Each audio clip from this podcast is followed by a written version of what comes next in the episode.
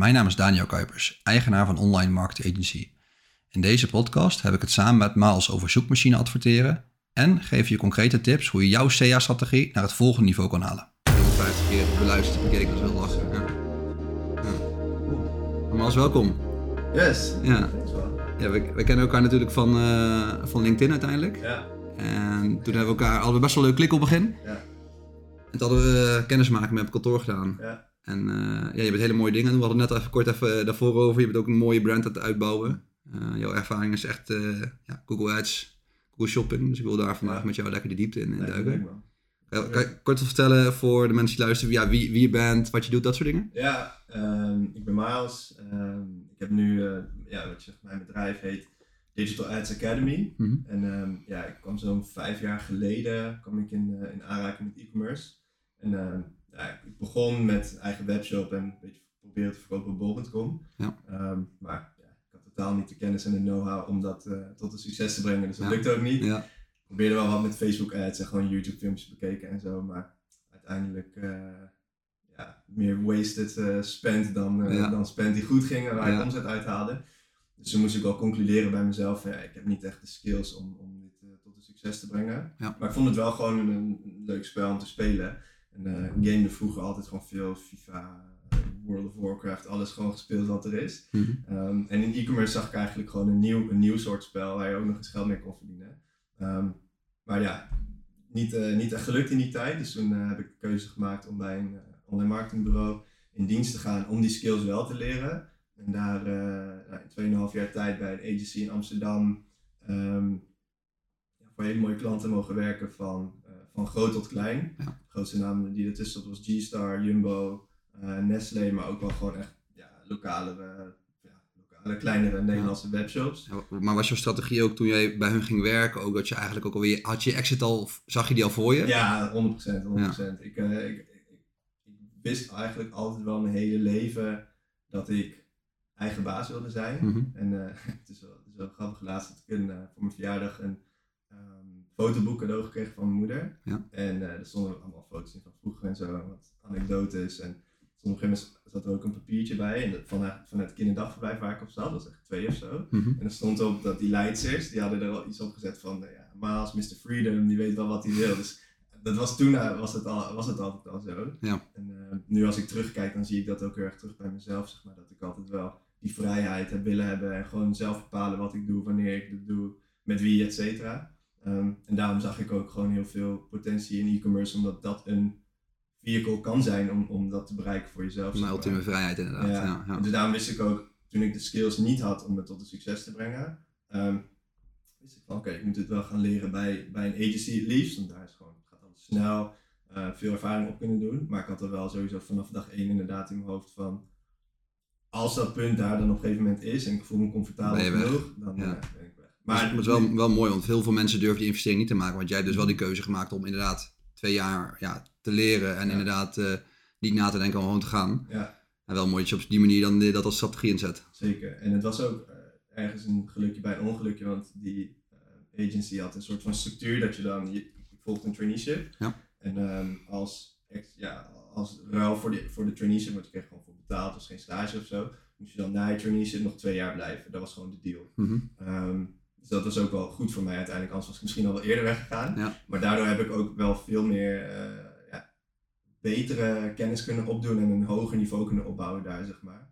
Ehm, dan wanneer ik bijvoorbeeld na een jaar al, al, was- al was Ja. weggegaan. Dus dat heeft me wel heel erg geholpen in mijn eigen, eigen journey. Ja. En ehm, nu sinds iets meer dan een jaar eh, mijn eigen bedrijf is gestart en, en help ik nog steeds klanten zelf met Google Ads. Mhm. Maar ben ik nu ook steeds meer de transitie aan het maken naar, eh, naar coaching business, waarin ik gewoon andere mensen help om eh, klanten aan te trekken. Onder andere met Google Ads, maar ik probeer het nu ook wel steeds meer breder te trekken naar een ja, bredere marketing eh, zeg maar. Mensen helpen nadenken over hoe kun je je funnel neerzetten, wat is de rol van, van CA, SEO, social, weet je, het, het totale plaatje. Ja. Om ondernemers gewoon echt, eh, of mensen die willen gaan ondernemen, daar gewoon goed bij te kunnen helpen. En is dat ook echt specifiek je doelgroep? Dus mensen die ondernemen of willen ondernemen? Of doe je dit bijvoorbeeld ook in-house of voor andere marketeers? Of... Ja, dus nu, eh, voor nu is het nog echt mensen met een eigen webshop. Mhm. En dan maakt het niet echt zozeer uit of zij al vergaand zijn in hun proces of dat ze, dat ze nog beginners zijn. Ja. Ehm, maar ik wil op een gegeven moment ook wel ehm,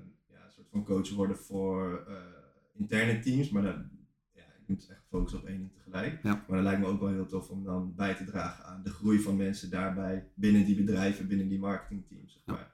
Om dan ja, of een wat breder georiënteerde eh, specialist te helpen om, om of marketeer te helpen om echt specialist te worden. Of om een trainee op te leiden of zo. Dat soort dingen lijkt me ook Ja. wel gewoon, eh, gewoon heel tof. Ja, want wij doen het bij, bij Oma bijvoorbeeld ook. We hebben dan ook eh, natuurlijk een Tom, onze teamlead SEA sinds kort. Maar we hebben ook een externe SEA-specialist, iemand met 10, 12 jaar ervaring. Die we ook inhuren op urenbasis om eigenlijk bij de echte lastige vraagstukken... ehm, of bij nieuwe klanten gewoon even een keer mee te kijken van hey, hoe zou jij dat aanpakken? Of hey, heb je nog tips? En ik merk dat dat ook wel heel erg veel waardevol kan zijn. Want Ja. Ja, jij komt als buitenstaander bij een, bij een club. Ehm, ja, je, je doet gewoon wat je leuk vindt. Eerst stukje coaching, stukje advies. Hey, let daarop. En, en, zo'n team kan ook verder. En we hebben er echt heel erg heel veel baat bij. Dus ik zie daar ook echt wel hel voor, eh, voor andere, zeg maar, Ja. eh, freelance specialisten. Absoluut. En het is ook zo, kijk, als jij bijvoorbeeld bij jullie, Tom is dan de teamlead CA, dus hij is de opperhoofd CA eigenlijk. Maar voor hem is het ook fijn als je nog iemand hebt die, die, die ook weer nog weer andere kennis heeft. Hij is gewoon expert in wat hij doet. Ja. Maar je hebt altijd mensen die misschien net een andere case hebben gehad met andere klanten en die jou dan weer op die manier eh, weer verder kunnen helpen, zeg maar. Ja. In plaats van dat Tom alleen maar degene is die jouw team ook verder helpt. Ik ben ook iemand extern die, die daarbij helpt. En ik heb net ook een, voor een bedrijf van een vriend van mij ehm, ook een, eh, een, een CA Google Ads audit gedaan. Mhm. Om gewoon, hij zei van, weet zeker dat er kansen zijn die we niet benutten. Het Ja. is niet dat we onze partner niet vertrouwen of zo, maar het is gewoon van even een soort van second opinion. Alsof je bij de dokter bent en denkt, ja, ik, ik ga toch even Ja, voor die extra... twijfel toch, Ja, twijfel toch. En er kwamen nog wel dingen naar boven waar ik ze gewoon bij heb kunnen helpen. Direct ook erbij gezet van een disclaimer bij hun ehm, agency. Van, ik, ik ben er niet om je business over te nemen Nee. of zo. Ik wil je gewoon echt helpen naar Ja. betere performance. Dus dat, Ja. is, eh, is ook super. Kan, je- kan je eens wat dingen kort vertellen over zo'n audit? Want ik vind dat wel een hele interessante. Want we hebben natuurlijk ook onze eigen checklist en eigen dingen. Maar ik ben natuurlijk heel benieuwd jouw visie. Zijn er een paar aantal Ja. punten die je kijkt? Heb je een, een eigen pad die je bewandelt? Kan je daar wat over vertellen? Zeker. Ehm, ik kijk eigenlijk altijd naar, eh, allereerst naar het fundament van hoe staat zo'n account. En wat mij betreft begint het fundament gewoon met de doelen die je stelt. Mhm. Ehm, eh, want als je eh, geen heldere doelen hebt, dan is het ook heel moeilijk om uit- aan het eind van het jaar te bepalen van was het, maand of week, wat dan ook, Ja. van was het, was het succesvol ja of nee. Ja. En, ehm, dus dat is één. En dan heb ik een hele duidelijke briefing. Dus ik ga niet meteen het account induiken. eh, maar ik heb een hele duidelijke briefing voor, eh, voor de klant waarvoor ik het doe. Mhm. En ehm, is het gewoon een hele lange vragenlijst van ik zeg van voordat ik begin, wil ik graag dat je dit invult. En dan zijn het allemaal vragen over hun business, wie zijn hun klanten, Ja. eh, heb je een marketingkalender, heb je een roadmap, wat heb je al gedaan wat succesvol is, wat heb je nog niet gedaan, maar waar je wel potentie in ziet, Ja. ja. et cetera. Gewoon echt een hele lange lijst aan vragen. En dat op zichzelf is al super waardevol vaak voor bedrijven, omdat je ziet dat heel veel bedrijven die zijn heel goed in wat ze doen. En ik zou niet zeggen ze doen maar wat, maar het is eh, heel makkelijk om gewoon in de waan van de dag te gaan en, eh, en, en, en soms moet je even een stapje terugnemen Ja. en denken van wat zijn we eigenlijk aan het doen. Eh, niet zo, wat doen wij, wat, wat zijn we aan het doen, maar gewoon echt van, eh, zijn we nog met de juiste dingen bezig? Ja, veel mensen hebben denk ik ook hun, hun, hun doelgroep, klantreis, doelen wel misschien in hun hoofd zitten. Eh, en zeker als je zo'n account hebt, ja, mensen denken heel gewoon, ja, ik moet hier en hier aan gaan denken. Zoals jij, jij zegt, als je een goed stramine hebt van, hey, ga eens even terug naar die basis. Waar, waarom doe je wat je doet? Ja. Dat heel Ja. veel mensen kan helpen. Ja, en, en dan uiteindelijk, zeg maar, daarna ga ik de account induiken en dan eh, kom ik met eh, nou, bevindingen en adviezen. Mhm. Ehm, maar soms, kijk, iedere business is anders. Dus het is ook voor mij als auditor, moet ik ook gewoon echt weten hoe zit die business in elkaar.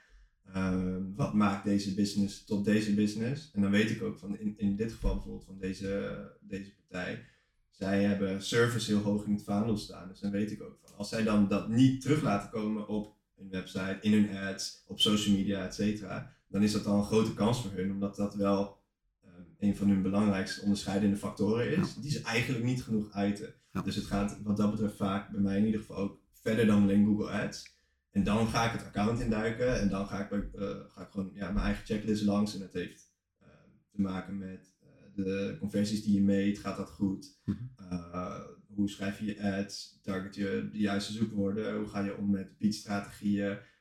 Eh, waar geef je je budget uit waar je dat misschien niet moet doen, waar je dat beter zou kunnen doen? Hoe kan je nog opschalen? Ehm, welke geavanceerdere strategieën zijn er die je nog niet toepast? Hoe ga je om met shopping? Hoe ga je om met search? Dus eigenlijk gewoon een totaalplaatje. En ik klik bijna gewoon door elke campagne, door elk zoekwoord, of door elke advertentiegroep langs elk zoekwoord. Ja. En dan is het gewoon echt eh, vol focus aan het werk en, eh, en, en dingen opgraven. Ja. En daar komt dan uiteindelijk een, een advies uit, plus roadmap, Mhm. zodat ze ook direct weten van oké, hier moeten we nu mee aan de slag en dan dat gaan we over een maand doen. Ja. En dat, dat is vaak wat je ziet eh, waar bedrijven ook heel veel eh, baat bij hebben en waar ze dan blij mee zijn. Ja. Dat ze dan zoiets hebben van we hoeven nu niet zelf te bepalen wat we wanneer doen.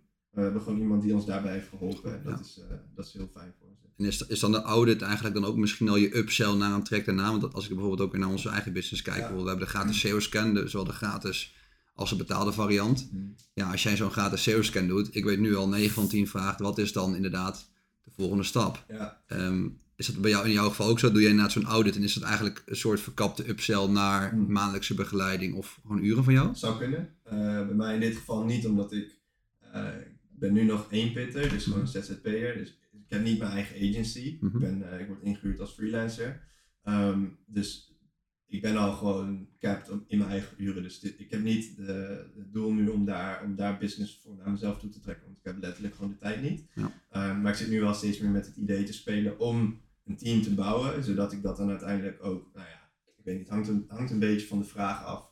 Ehm, maar als het een, een partij is die niet tevreden is met hun huidige partner, ja, dan zou ik het wel kunnen overwegen om dat er dan in te gooien van, hey, als je dit wil voortzetten, dan kunnen we een samenwerking aangaan. Ja. Dat, dat is het nu niet. Eh, maar bijvoorbeeld deze partij, waar, waarvoor ik net die audit heb gedaan, ik wist al vanaf het begin dat zij niet een nieuwe partner zoeken, maar gewoon Ja. even die second opinion. Dus dan zou ik ook niet bij hun dat er doorheen pushen van, hey, nu moet je met ons werken. Ja. Ehm, want dat voelt dan niet goed of zo. Ja, en dus als het, dan moet ik dan denk ik ook echt super leuk zijn. Moet een heel leuk product zijn, een leuke eigenaar of een leuke Ja. marketingmanager om dan ermee te gaan werken.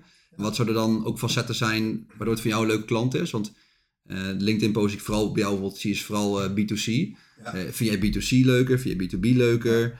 Ehm, zijn er nog bepaalde dingen, vind je leuk om met grote accounts te werken? Kan jij dan vertellen eh, waarop je dan zeg maar, een klant selecteert? Zeker. Ehm, eigenlijk, kijk, ik, ik doe voornamelijk eh, inderdaad B2C, dus gewoon echt direct to consumer. Mhm. Ehm, maar ik heb ook wel grote B2B klanten gehad in, eh, in LED-verlichting bijvoorbeeld, die echt op de zakelijke markt zitten.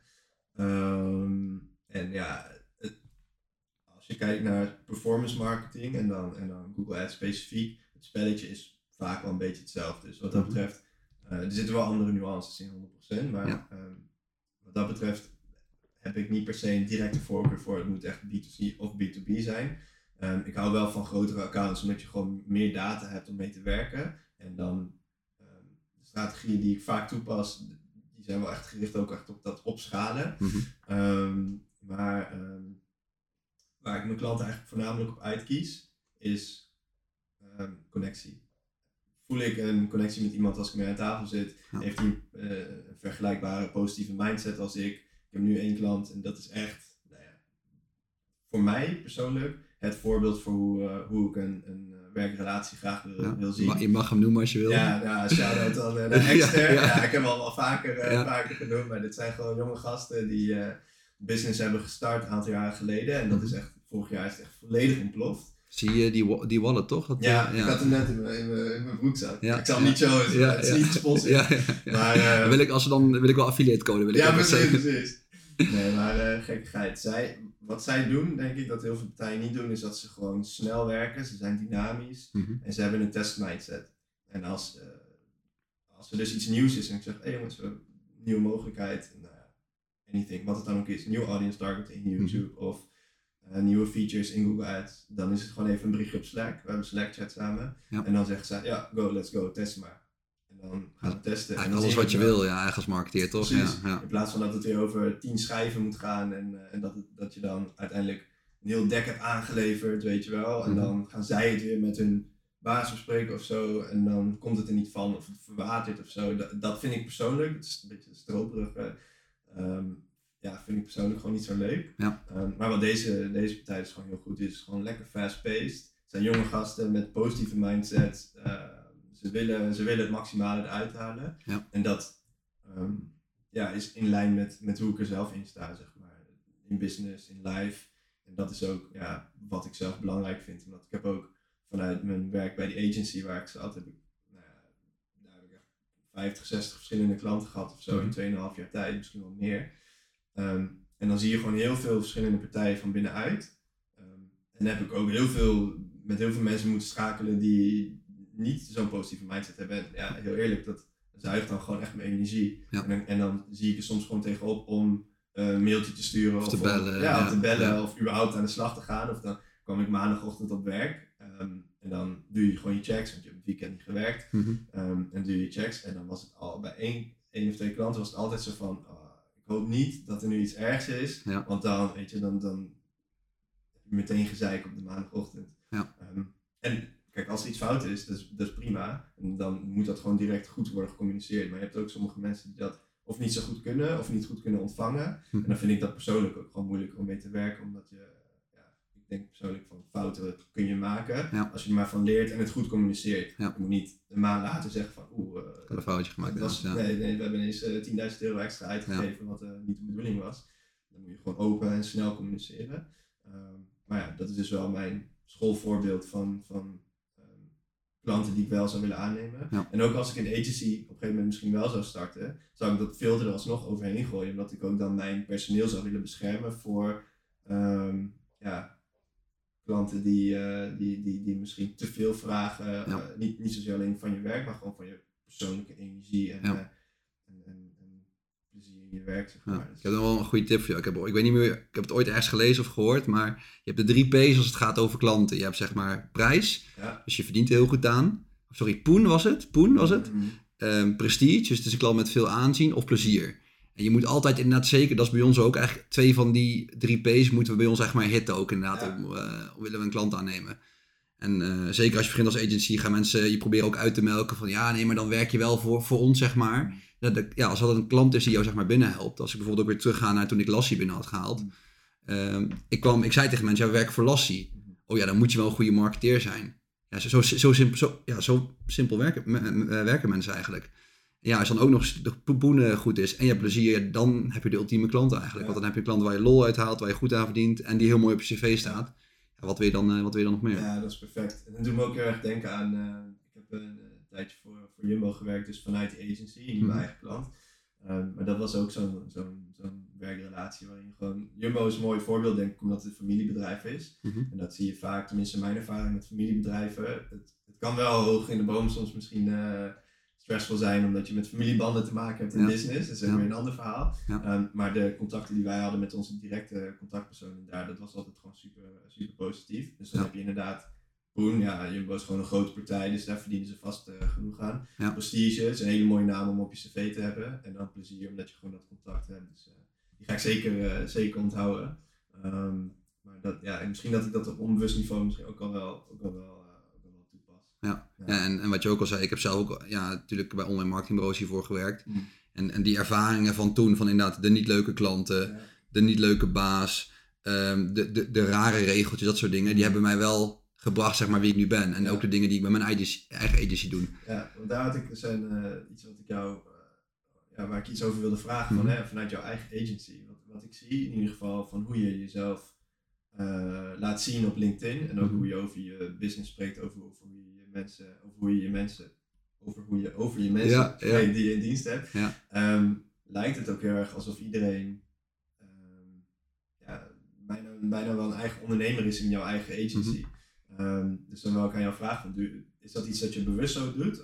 Want ja, mensen die communiceren volgens mij, of ja, mensen, mensen die je dienst hebt, die Mhm. communiceren volgens mij heel positief over, eh, over je bedrijf. Ja. Ehm, ze krijgen de ruimte om zich te ontwikkelen, mogen naar mooie events toe. Ja. Eh, zag ik net ook weer Ja. toevallig. Ja. Ehm, is dat iets waar jij bewust op let? Ja, ja, zeker. Ik vind het echt zelf echt extreem belangrijk. Mm.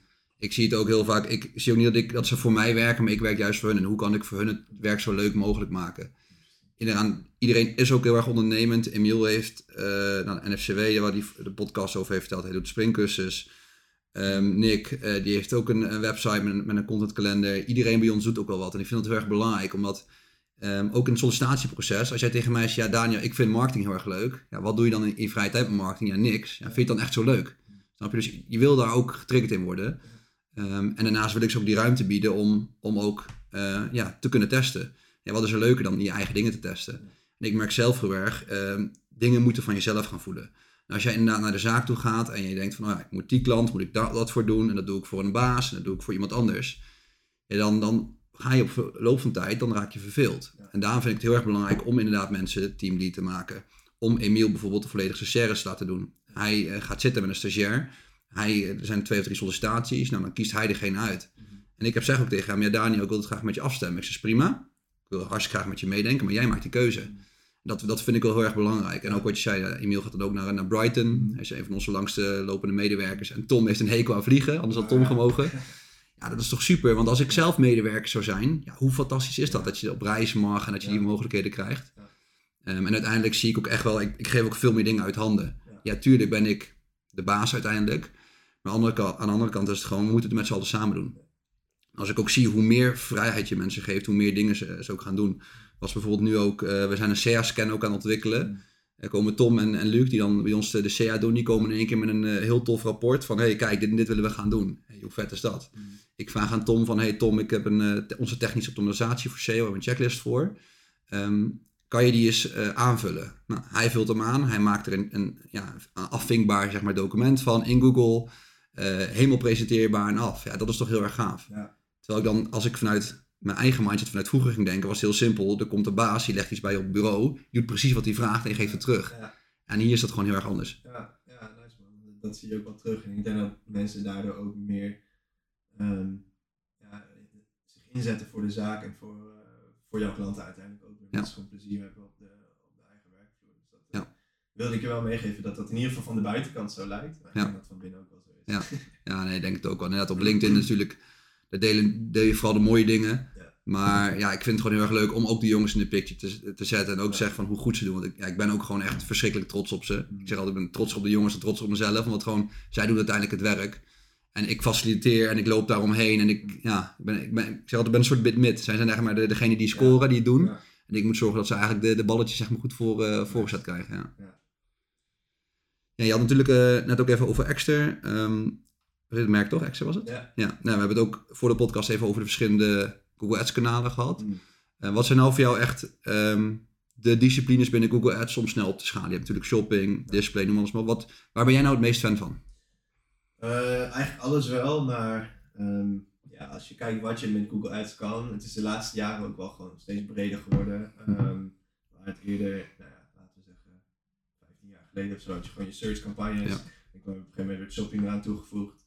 Um, en die, die twee campagnetypes, wat eigenlijk ook weer twee losse kanalen zouden kunnen zijn, ja. um, worden ook continu doorontwikkeld door Google. En je kan ook steeds betere resultaten daarmee halen. Mm -hmm. um, en waar ik zelf het laatste jaar veel mee heb gewerkt is uh, YouTube Ads. Mm -hmm. en dat is ja, gigantisch, uh, gigantische potentie, denk ik, voor heel veel, uh, voor heel veel merken. Ja. Niet alleen voor awareness, maar serieus ook echt gewoon voor conversie. Ja. En dat heeft Google wel heel goed gedaan, is dat zij nieuwe producten hebben ontwikkeld. Uh, YouTube for Action. Uh, het heette eerst TrueView for Action en het heet mhm. nu volgens mij weer anders. Um, maar Ze passen wel vaak namen aan inderdaad. Ja, ja, klopt, ja. klopt. Als je even een halfjaartje eruit bent, denk je, waar, waar is dat gebleven? Dat het, precies, maar het komt op hetzelfde neer. Het is gewoon um, dat er algoritmes achter zitten die, mm -hmm. die kunnen um, ja, voorspellen of iemand more likely is om uiteindelijk iets aan te kopen via een YouTube ad of niet. En dan ja. meer aan die mensen laten zien dan een andere bijvoorbeeld. Ja. Uh, ik weet natuurlijk niet precies hoe de algoritmes werken, maar dat komt een beetje op neer. En dat is wel echt heel veel, uh, heeft, heeft heel veel potentie als je het goed inzet. Maar het is tegelijkertijd wel een moeilijk kanaal om, om, om echt op te schalen, omdat je veel verschillende ads moet maken. Um, veel met budget natuurlijk, met video's had te maken. Ja, precies. Dat is echt niet, niet makkelijk. En als je 1000 euro per maand te besteden hebt, dan zou ik het niet, zou ik het niet aanraden. Maar dat is wel heel mooi als toevoeging op als je het fundament van search en shopping goed hebt staan. Dan is het mhm. echt een hele mooie toevoeging wat je business echt kan, uh, exponentieel kan laten groeien, zeg maar. Ja. En is het ook heel bewust, want je zegt nu, je zegt nu eigenlijk search, shopping en dan eigenlijk YouTube. Is het ook, zijn dat ook de stappen voor jou? Zeg je, als iemand bij jouw klant wordt of je ja. doet een audit, ga je eerst naar search kijken en dan naar shopping? Um, hangt dan, bij de audit hangt het een beetje vanaf, want um, wat je eigenlijk wel ziet, en wat de kracht van Google Shopping is, mm -hmm. is dat het um, allereerst is het heel visueel. Ja. Dus het, is, het, het, speelt zowel een rol in, in, uh, in de aankooplaag als in de consideratielaag. Dus mm -hmm. mensen die direct iets willen kopen, maar ook mensen die aan het, uh, aan het browsen zijn, um, die nog niet precies weten wat ze willen hebben, maar gewoon een beetje aan het klikken, een beetje aan het Ja. kijken. En dan is shopping gewoon heel effectief, omdat je al plaatjes erbij hebt staan.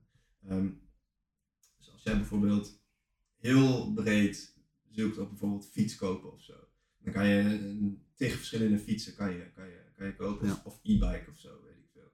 Ehm, als je dan via de shopping ads, als je op de shopping ads, eh, als je daar naar kijkt, dan zie je al heel snel van ja, die vind ik mooi, die vind ik niet mooi, Ja. die sluit aan bij wat ik zoek, die sluit niet aan bij wat ik zoek. Ehm, en bij een gewone search ad, dan heb je alleen tekst. Ja. En dan is het, nou ja, dan klik je erop en dan ga je op die site ga je browsen en dan zie je misschien van, oh, ze hebben niet het model dat ik zoek, ga je weer weg. Ja. Ehm, en daardoor denk ik dat, eh, dat, dat shopping gewoon heel effectief is, omdat het het visuele heeft. En dat je daardoor ook ehm, nou ja, meer klanten kan aantrekken die, die ehm, nou, misschien wel meer ready to buy zijn dan wanneer ze op een tekst ad klikken, omdat ze al een soort van filter hebben gehad Ja. ehm, door het plaatje. En je ziet ook wel echt dat de laatste eh, drie, vier jaar is het aandeel van klikken uit shopping is Gigantisch gestegen, uit- ja, klikken van search echt dik gaan overnemen. En dan helemaal op, op niet-merk gerelateerde zoekopdrachten. Ja. Zag ik laatst een statistiek dat het echt iets van 80, 90 procent van de klikken is. Juist omdat het visueel is. Ja. Het staat vaak ook boven de tekstads natuurlijk. Dus Ja. ehm, dat is, als, als ik een audit doe voor een merk die, een bedrijf, die bijvoorbeeld 80% van de spend door shopping laat eh, Mhm. gaan, dan ga ik wel echt eerst met shopping aan de Ja. slag. Omdat daar gewoon het meeste te winnen Ja. is. Ehm, maar als ik bijvoorbeeld een nieuwe, nieuwe eh, brand zou moeten opzetten, of een klant die zegt, hey, ik begin net met een webshop Ja. en ik heb 500 euro te besteden bijvoorbeeld in het begin, ehm, dan zou ik juist weer zeggen, oké, begin met search. Mhm. Ehm, omdat je daar heel gericht kan targeten op een specifieke zoekterm waarvan Ja. je zegt van dat is echt het product dat ik verkoop. Ja. Maar, want met shopping kan dat niet. En als je niet weet hoe dat zit met shopping, ehm, adverteer je op basis van product feed. En een product feed is dus gewoon een, een, een bestand met al je productinformatie daarin. En dan bepaalt Google op basis van je titel, je beschrijving en een heleboel andere matching Ja. factoren. Of jouw ehm, product wordt weergegeven op een specifieke zoekterm. Dus Ja. het kan in plaats van één of twee of drie, kunnen dat er in één keer duizend zijn. Ja. En als je maar 500 euro te besteden hebt, dan stel dat je net aan de verkeerde termen wordt gematcht, dan is je budget bij wijze van in- al heel snel op. Ja, en, hoe, en heb je dan nog tips om, om beter op die termen gematcht te worden? Wat ze dan, stel je doet zo'n audit en je ziet inderdaad van, hé, hey, we kunnen die feed optimaliseren, want je kan natuurlijk die feed handmatig exporteren, channable, zijn heel veel manieren. Ja. Op wat voor manieren kijk je dan naar de feed en waarop geef je dan precies feedback? Ja, dus dat is één. Misschien nog even één stapje terug dan, want als je kijkt naar nieuwe merken, dan raad ik vaak aan om dus met search ads of text ads te beginnen. Ja. Omdat je dan op een paar hele specifieke zoekwoorden kan adverteren. Ja. En dat dan kan proberen en kijken van oké, converteert dit? Als het, als het antwoord ja is, oké, ga je door, ga je opschalen. Ja. Als het antwoord nee is, dan probeer je weer iets nieuws. Ja. En als dat een beetje werkt, dan inderdaad zou ik zeggen, ga met shopping eh, aan de slag. Als je een kleiner budget hebt. Als je een groter budget hebt, kan je prima naast elkaar doen. Ehm, maar voor ja, shopping optimalisaties, ehm, ik zou eigenlijk altijd wel zeggen, zorg ervoor dat je Channable wel gebruikt. Mhm. Ehm, Dan heb je, want je, hebt, je hebt ook concurrent van Channable. Kies je heel specifiek bewust voor Channable. Want, want we hebben in het verleden ook Channel Engine. Je hebt er volgens mij nog een paar die, eh, die ook eh, ja, goed zijn. We werken ook met een aantal klanten ook voor Channable. ja, En Channable is gewoon marktleider en heeft ook volgens mij de beste naamsbekendheid. En een van de beste producten. Of heb je daar bewust voor gekozen? Of is dat gewoon- nou, kijk, Channable eh, als feed management tool, waar je dus je product feed in kan beheren, Mhm. is inderdaad de, de meest bekende. En ook voor beginners vaak de goedkoopste. Ik heb ook Ja. Vrienden bij BeGenius, die zullen mij niet in dank afnemen dat ik Channable bijvoorbeeld doe. Mhm. Maar BeGenius is ook zo'n tool. ehm, waar ik eh, in het verleden veel mee heb gewerkt. Er zit ook een supergoed team achter die Mhm. eh, eh, hun klanten ook echt heel erg eh, wil helpen. En dat is gewoon een feed management slash eh, campagne creatie tool, waarmee Ja. je dat kan automatiseren. Ehm, maar ja, Channable is gewoon algemeen bekender en kan je al instappen vanaf 29 euro per maand. En dat is gewoon, eh, ja, zelfs voor de kleinste webshop is dat, is dat al interessant. Ja. Ehm, dat is ook waarom ik Channable gewoon vaak gebruik, omdat het en ehm, als ik instap bij klanten gebruik ze het vaak al. Ja. Ehm, en eh, ja, als je eenmaal een bepaald ecosysteem gebruikt, dan is het ook wat chill als je dat op, op verschillende ehm, trajecten gewoon kan inzetten. Want dan kan je gewoon, weet je, Scheelt je ook een hoop tijd. Je Ja, weet hoe het precies. werkt. Je weet waar het knopje zit. Ja. Precies. En soms is het ook wel weer leuk om nieuwe tools te proberen natuurlijk, maar ja, dat is waarom ik vaak gewoon Channable gebruik. En de reden waarom ik zou aanraden om wel Channable te gebruiken, want je hebt ook sommige mensen die doen beheren zelf hun eigen product Ja, CSV'tje, een of andere CSV'tje, WordPress plugin. Ja, Ja. Ik, eh, ik zou dat afraden omdat je dat, het is allereerst super foutgevoelig. Eh het is heel eh, tijdrovend om het allemaal bij te houden. Hm. En als je gewoon een export maakt van al je producten vanaf jouw webshop en die in Channable inlaat, Ja. dan kan je in Channable kan je heel gericht productinformatie aanpassen. Mhm.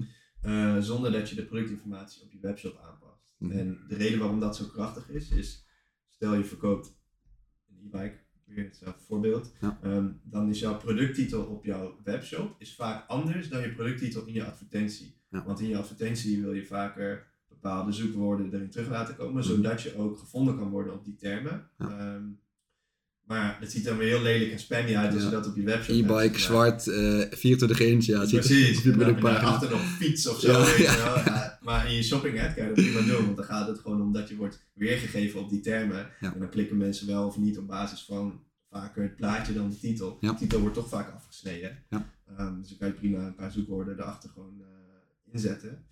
Ehm, dus dat is dan wel heel krachtig, want als je dat, als je ehm, eh, zelf je product feed zou beheren en alle informatie in je webshop is hetzelfde als informatie in je eh, producttitels in shopping ads. Ja. Ehm, ja, dan krijg je een mismatch tussen wat mensen moeten zien op je pagina en wat ze in ads moeten zien. Dus, Ja, dan eh, ben je heel beperkt eigenlijk aan wat je allemaal kan en waar je, waar je potentie eigenlijk ligt. Ja. ja. precies. En, eh, en daarnaast is het ook gewoon fijn om dat een beetje gesplitst te houden. Ehm, als je ook ja, weet ik veel, prijzen aanpast en je hebt zelf een eh, CSV'tje gemaakt of Ja. een eh, Google Spreadsheet. Met versiebeheer klooien. Ja, dat Ja. is niet te doen. Dus eh zou ik altijd aanraden om gewoon een, een tool daarvoor te gebruiken. Ja. Dus dat is eentje. Dus, dus werken met, met een goede feed management tool is één voor je shopping optimalisatie. Heb je nog een aantal tips, hele concrete? Die, Ja, ehm, zeker. Ik denk het belangrijkste eigenlijk, als je kijkt naar shopping, is weten hoe je, hoe je klanten zoeken. En dat, Mhm. is, dat is misschien niet zozeer alleen in shopping, eh, eh, shopping optimalisatie of een shopping tip, maar het geldt eigenlijk voor heel je search strategie, Google Ads, Google Search strategie, Ja. ehm, maar ook gewoon je, eh, ja, je, je marktonderzoek dat je doet als, als bedrijf. Want ik ben nu eigenlijk steeds zelf meer ehm, eh, een stapje, ja, probeer een stapje terug te nemen. Mhm. Om te kijken van waar past Google Ads binnen datgene wat je als bedrijf al doet. Ja. En ehm, ik ben nu ook voor mijn eigen business ook gewoon steeds meer marktonderzoek aan het doen. Mhm. Eh, omdat ik wil weten van welke problemen lopen mensen tegenaan. Hoe kan ik ze daarbij helpen om die problemen ehm, op te lossen. Ja. Ehm, en dat, daar kom je eigenlijk alleen maar achter door met mensen te praten. Door met je, met, je- met, je, met je doelgroep te praten. En dat is ook voor Google Ads denk ik heel belangrijk. Dat je goed nadenkt over welk product verkoop ik. Wat voor, wat voor probleem lost dat op voor mijn doelgroep. En hoe communiceer ik dat dan ook uiteindelijk met mijn doelgroep. Dus bijvoorbeeld door ehm, goed zoekwoordenonderzoek te doen. Ja. Dat je weet hoe zoeken mensen naar dat product. Zoeken mensen überhaupt naar dit product? Als het niet zo is, dan ja, heeft het bijna geen zin om. Ja, vaak de pains en de gains zeg ik altijd. Je hebt de dingen, de pijnen waar je natuurlijk op, op, eh, kan in- inspelen, maar natuurlijk ook de voordelen. Ja. En dat, ook, en dat vertaalt zich ook weer naar het zoekgedrag van, ja, je kan natuurlijk eh, even als voorbeeld zoekmachine optimalisatie pakken. Maar je kan ook zeggen, hey, hoe kom ik hoger in Google? Of hey, mijn concurrenten hebben me ingehaald. Dat zijn natuurlijk allemaal ingangen die je kan gebruiken om voor je SEO. Want ja, ik zit natuurlijk meer als SEO-specialist aan deze kant van de tafel. Jij als CA-specialist. Ja. Dat gaat natuurlijk voor allebei. Ja, ja 100%. En ehm, ja, ik denk gewoon dat, eh, dat elk bedrijf even, dat je er veel baat bij kan hebben om soms even een stapje terug te nemen. ehm, en goed na te denken over wie je doelgroep is. Want dat, dat wordt vaak een beetje voor granted genomen, denk ik. Dat je gewoon, gewoon bezig bent met dat je niet precies weet voor wie je welk probleem oplost. Ja. Ehm, en dat kan je al heel erg helpen in de effectiviteit van je ads. Want sowieso ook als mensen dan op een gegeven moment op je advertentie hebben geklikt, dan wil je ook genoeg overtuigingskracht hebben op je landingspagina om mensen uiteindelijk die actie te laten voltooien. Ja. En dat doe je ook door eh betere copywriting in te zetten, door ehm, eh, mensen te laten zien dat jij dat probleem voor ze kan oplossen, wat het dan ook is. Ja. Dus eh, dat is belangrijk. Maar uiteindelijk, als je echt kijkt naar, naar Google Shopping, een geoptimaliseerde product feed is gewoon echt het allerbelangrijkste dat er is. Want dat bepaalt de mate waarin jij zichtbaar bent eigenlijk.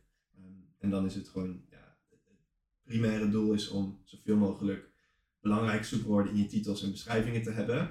Ehm, het moet er niet per se echt spammy uitzien of zo, maar dat is wel de basis. Ja. Ehm, en dan daarna is het goed nadenken over hoe structureer je je campagnes en welke producten zet je bij elkaar en welke juist weer niet. En dat is denk ik heel, ehm, heel erg belangrijk, vooral als je ook gebruik maakt van automatisering in Google Ads, dus automatische biedstrategieën, ehm, is het gewoon heel belangrijk hoe je, dat, hoe je die uh, campagnestructuur eigenlijk neerzet. Ja. Ehm,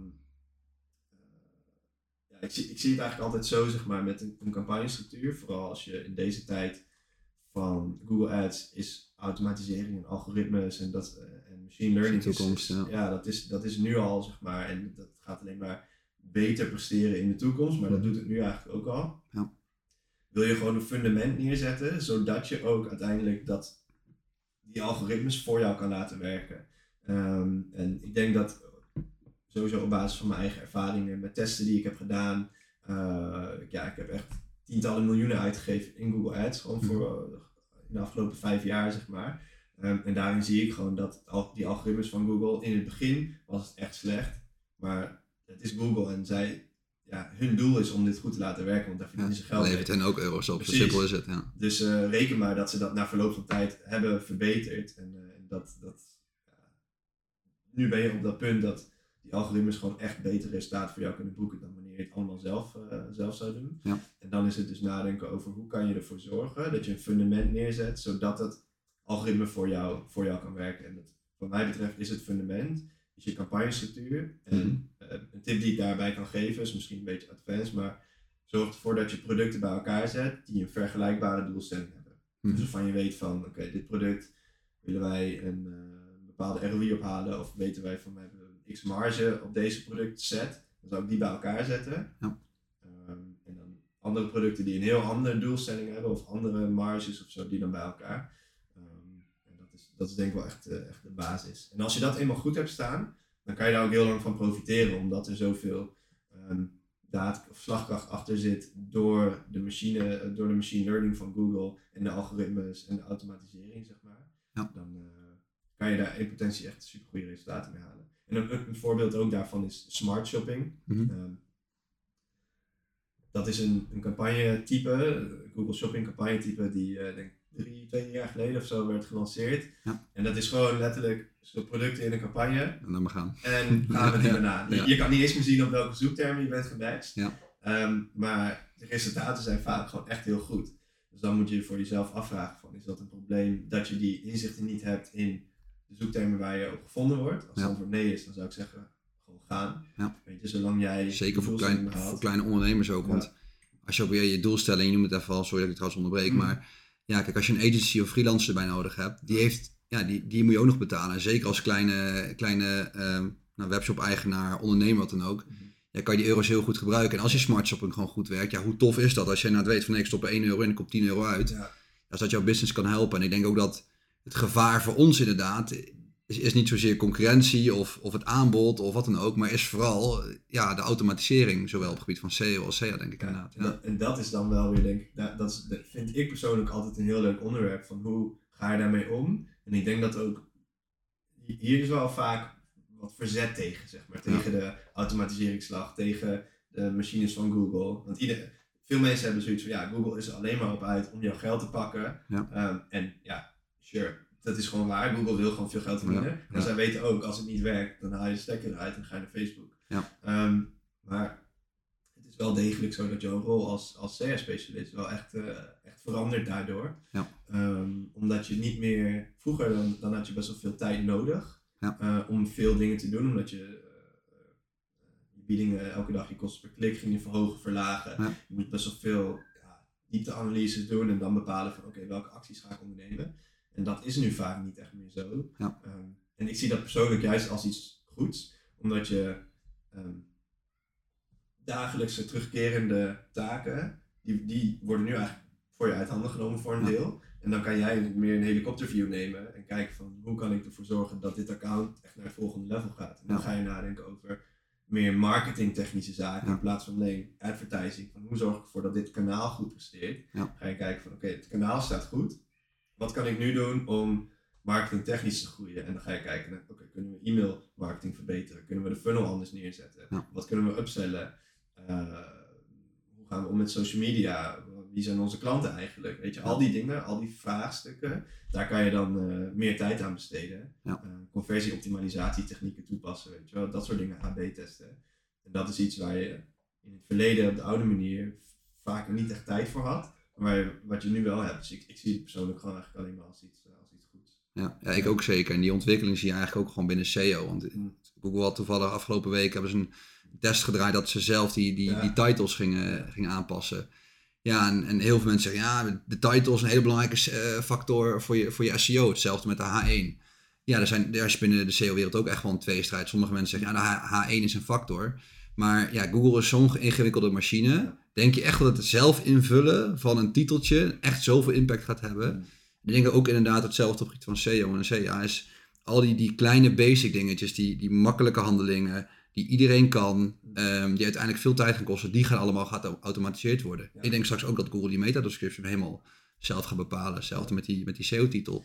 Dat is dan wel interessant om daarover na te denken. Van als ze dat al doen, dan doen ze dat niet zonder reden. En als ze dat doen, dan zou je bijna wel verwachten dat het niet meer heel erg veel meespeelt in je ranking, omdat je er geen controle meer op hebt. Zij doen Ja. dat voor jou. Er zijn een heleboel andere elementen waar je, waar je aan moet werken. Ja. Ja, want hoe, hoe zie jij dat ook? zeg maar? Want ik denk dat sowieso, nou ja, lange tijd geleden was er misschien wel meer een soort van checklist van dit doe je, dit doe je, dit doe je, en dan ga je ranken. Maar dat is nu denk ik een stuk complexer geworden. Ehm, door, eh, door updates van, van, van Google, waarin UX bijvoorbeeld ook gewoon veel belangrijker is geworden. En ik, weet niet, ik, ik zit niet diep genoeg in SEO om, om eh, dat echt te kunnen Mhm. kwantificeren. Maar ik ben ook heel benieuwd van, is UX, is het eigenlijk wel meetbaar?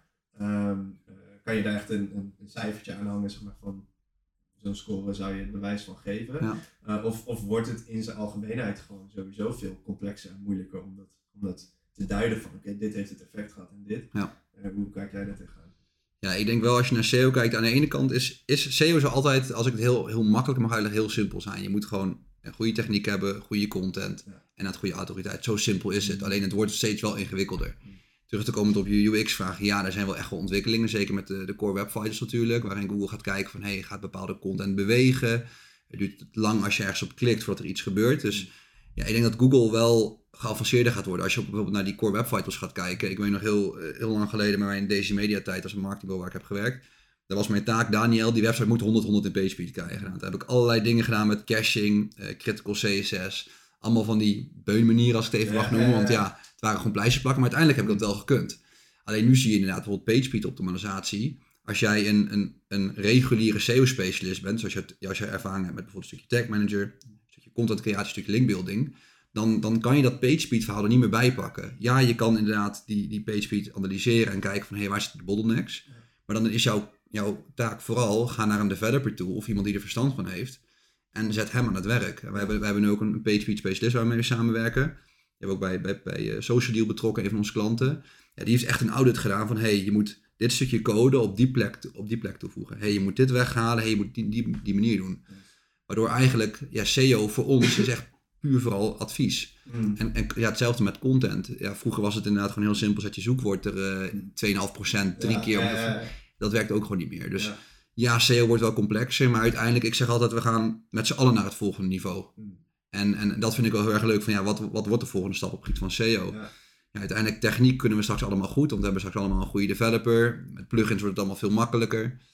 Uiteindelijk is content ook gewoon een kwestie van hoeveel tijd heb je. Ik zeg ook heel simpel, als je naar content gaat kijken, pak gewoon de top 10.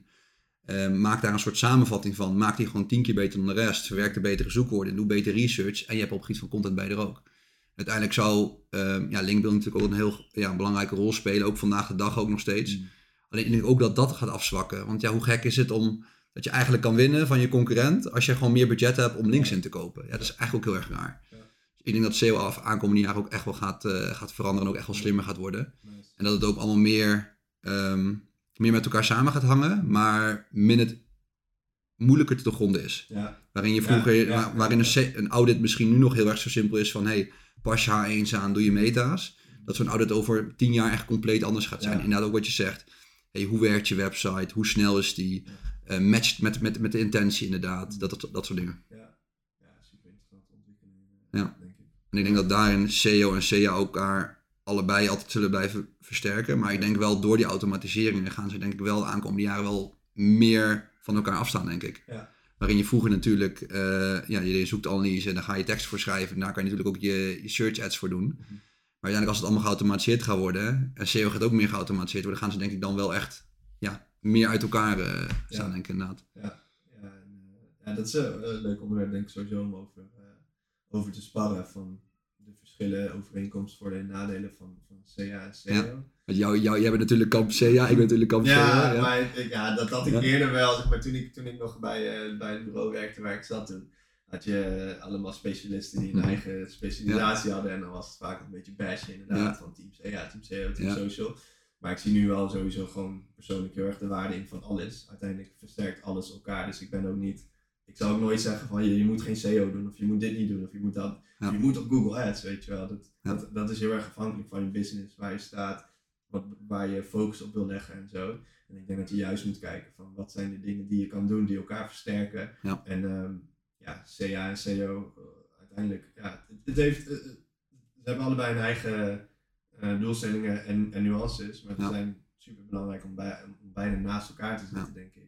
En, ze, kunnen, ze kunnen ook allebei bijvoorbeeld business werken. En ik, ik zeg ook altijd, de het kanaal moet ook passen bij de ondernemer. Kijk, we hebben, we hebben een aantal klanten nu die heel veel tijd zelf hebben om te spenderen aan online marketing. En dan zeg ik vooral van oké, dan gaat SEO de boventoon voeren. Ja. Want je kan lekker content rammen. Jij kan twee blogs per week schrijven, go for it. En tuurlijk, de klant kan ook SEA gaan leren.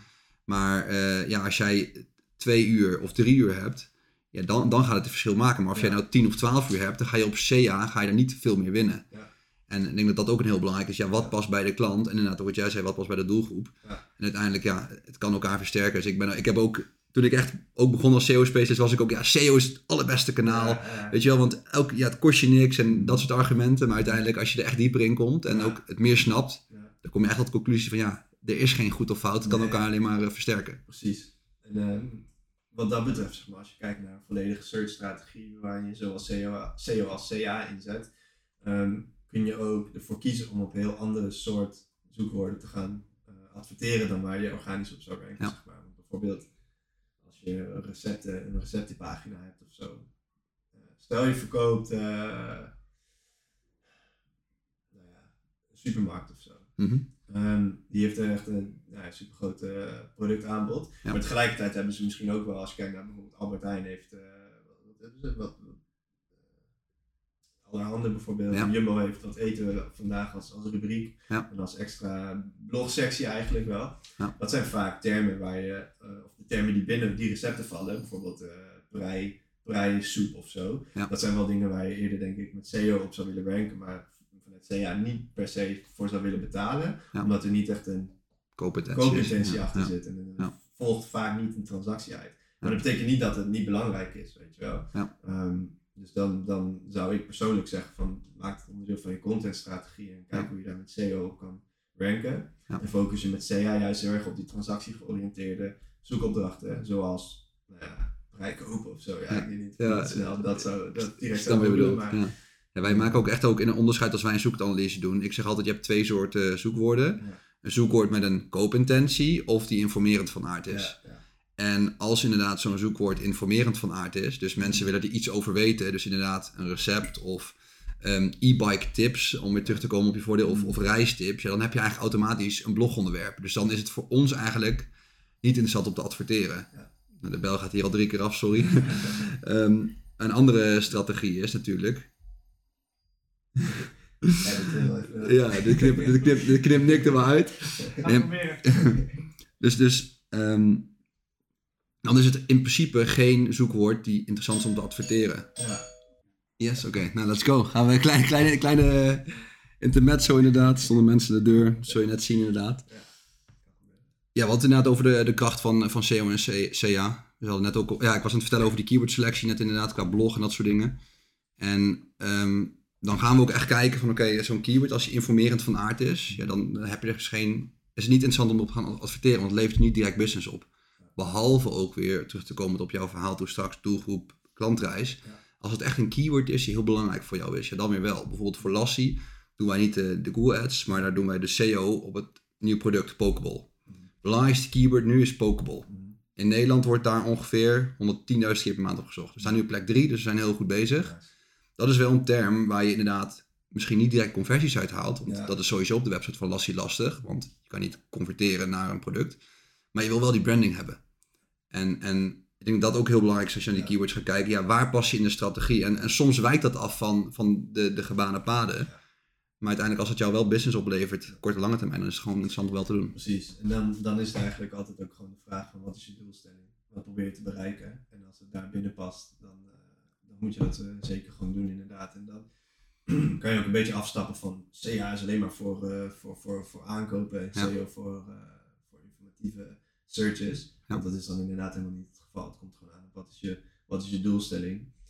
Ehm, en daarom vind ik het ook altijd interessant om, om ehm, verschillende bedrijven te zien, want iedereen heeft zijn eigen nuances. Mhm. En eh, precies het voorbeeld dat je nu geeft van Lassie, zeg maar, dat, ehm, dat, dat kan je ook hebben bij wijze van bij bijvoorbeeld een Jumbo of zo als supermarkt zijnde, waar zij hun online doelstelling misschien meer hebben gericht op, eh, op, de, op boodschappen bestellen. Ja. Hebben ze misschien ook wel een tak die, die juist meer focus wil hebben op naamsbekendheid van het wat eten we vandaag Ja. ehm, idee wat ze, wat ze hebben, zeg maar. Dus dan kan je wel zeggen van ja, maar we moeten alleen maar CA inzetten om, eh, om mensen boodschappen te laten bestellen. Maar als Ja. het andere ook een substrategie is, dan eh, kan je dat wat mij betreft best loslaten. Dan moet je daar ook je campagnes anders op structureren als je, als je daarop adverteert, zeg maar. Dan kan je dat, ehm, ja, heeft ieder bedrijf zijn eigen nuances en kan je ook nooit spreken van een eh, van één strategie, dit moet je Nee. doen en dan Nee. ga je succes behalen. Het, het hangt er altijd vanaf. Ja, en Ja. ik krijg die vraag ook wel eens van, toevallig kreeg ik hem gisteren ook over dan business. Van, ja, wat is voor jou de gouden formule geweest? Of het ding wat het verschil maakt? Of, of binnen SEO, ja.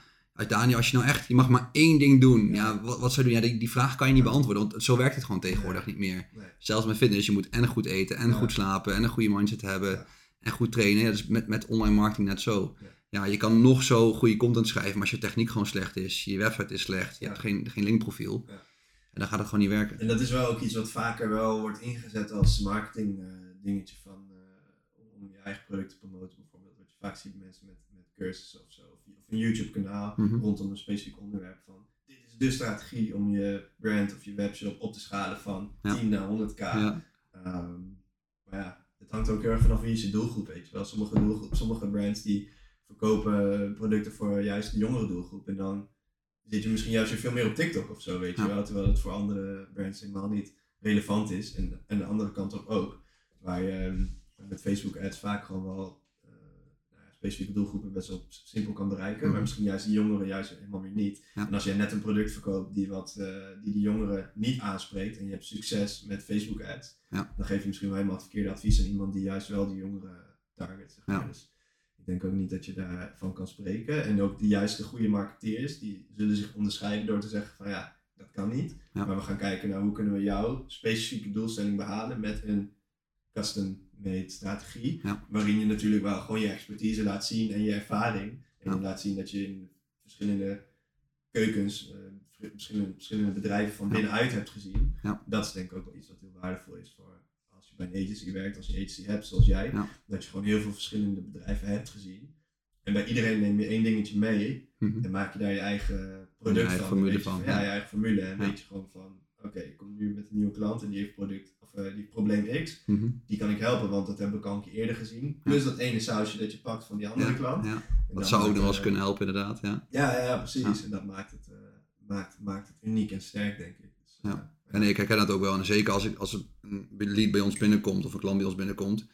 Een van de eerste vragen die ik altijd stel begint ook vaak met iets van, van hoezo dan? Of waarom? mm, Ja, want ik kreeg ook wel eens een aanvraag van ja, Daniel willen, willen wat gaan doen op het gebied van SEO. Ja, maar hoe, hoezo wil je dat dan?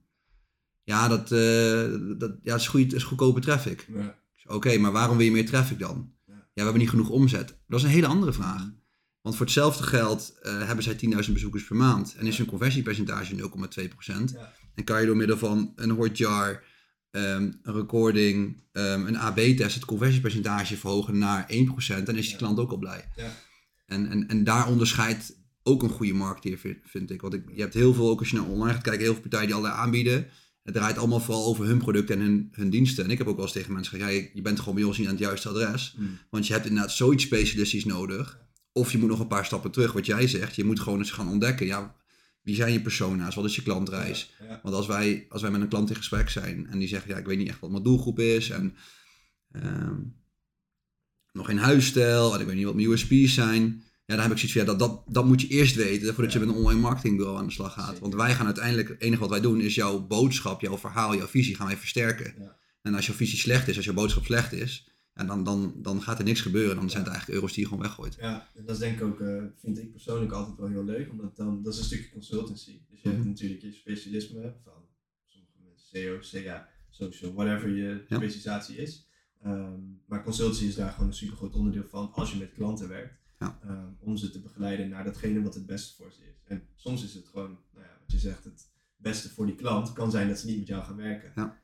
En dan is het natuurlijk ook voor jou het beste omdat je waarschijnlijk niet echt kan voldoen aan hun verwachtingen of doelstellingen kan behalen. Ja. En dan zou ik sowieso zeggen van neem zo'n klant niet aan, omdat het gaat je alleen maar hoofdpijn, eh, hoofdpijn opleveren. Ja, klopt. Want onderaan de streep, natuurlijk, eh, consultancy, strategie is belangrijk, maar uiteindelijk doe je het wel omdat het ook leuk moet zijn. En uiteindelijk, wat, wat is leuk? Ja, voor ons is resultaat onderaan de streep leuk. Ik ben marketing gaan doen omdat ik gek ben van resultaat. Ja. Ik ben ooit zelfs begonnen met de opleiding bedrijfseconomie. Dat weten veel mensen niet. En dan, omdat ik gek ben van cijfertjes. Mm. Kijk, ik kan echt analytics induiken en, en ik zie een stijgende lijn en ik word daar gelukkig van. Ja.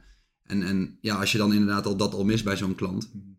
eh, ja, als je niet weet waar hij heen wil, ja, dan weet je ook niet waar je op kan sturen. Ja. Ja, en dat maakt het dan voor mij al geen leuke klant. Lijkt me mooi om de podcast mee af te sluiten, maar als ik Ja, wil je echt super bedanken. Ik zit ook even naar het lijstje te kijken, maar volgens mij echt alles wel besproken. Cool. Ik vond het super leuk om, eh, om dit eh, op te nemen. Nice. En eh, ja man, let's, eh, let's do it again zou ik zeggen. Ja, is goed, gaan we doen. Dat gaan we zeker nog een keer doen. Cool. Dankjewel. Thanks man. Dank voor het luisteren naar de Daniel Kuipers podcast. Als je dit een toffe podcast vond, volg dan mijn Spotify kanaal, laat een review achter. En mocht je meer willen weten over OMA, ga dan naar onlinemarketingagency.nl.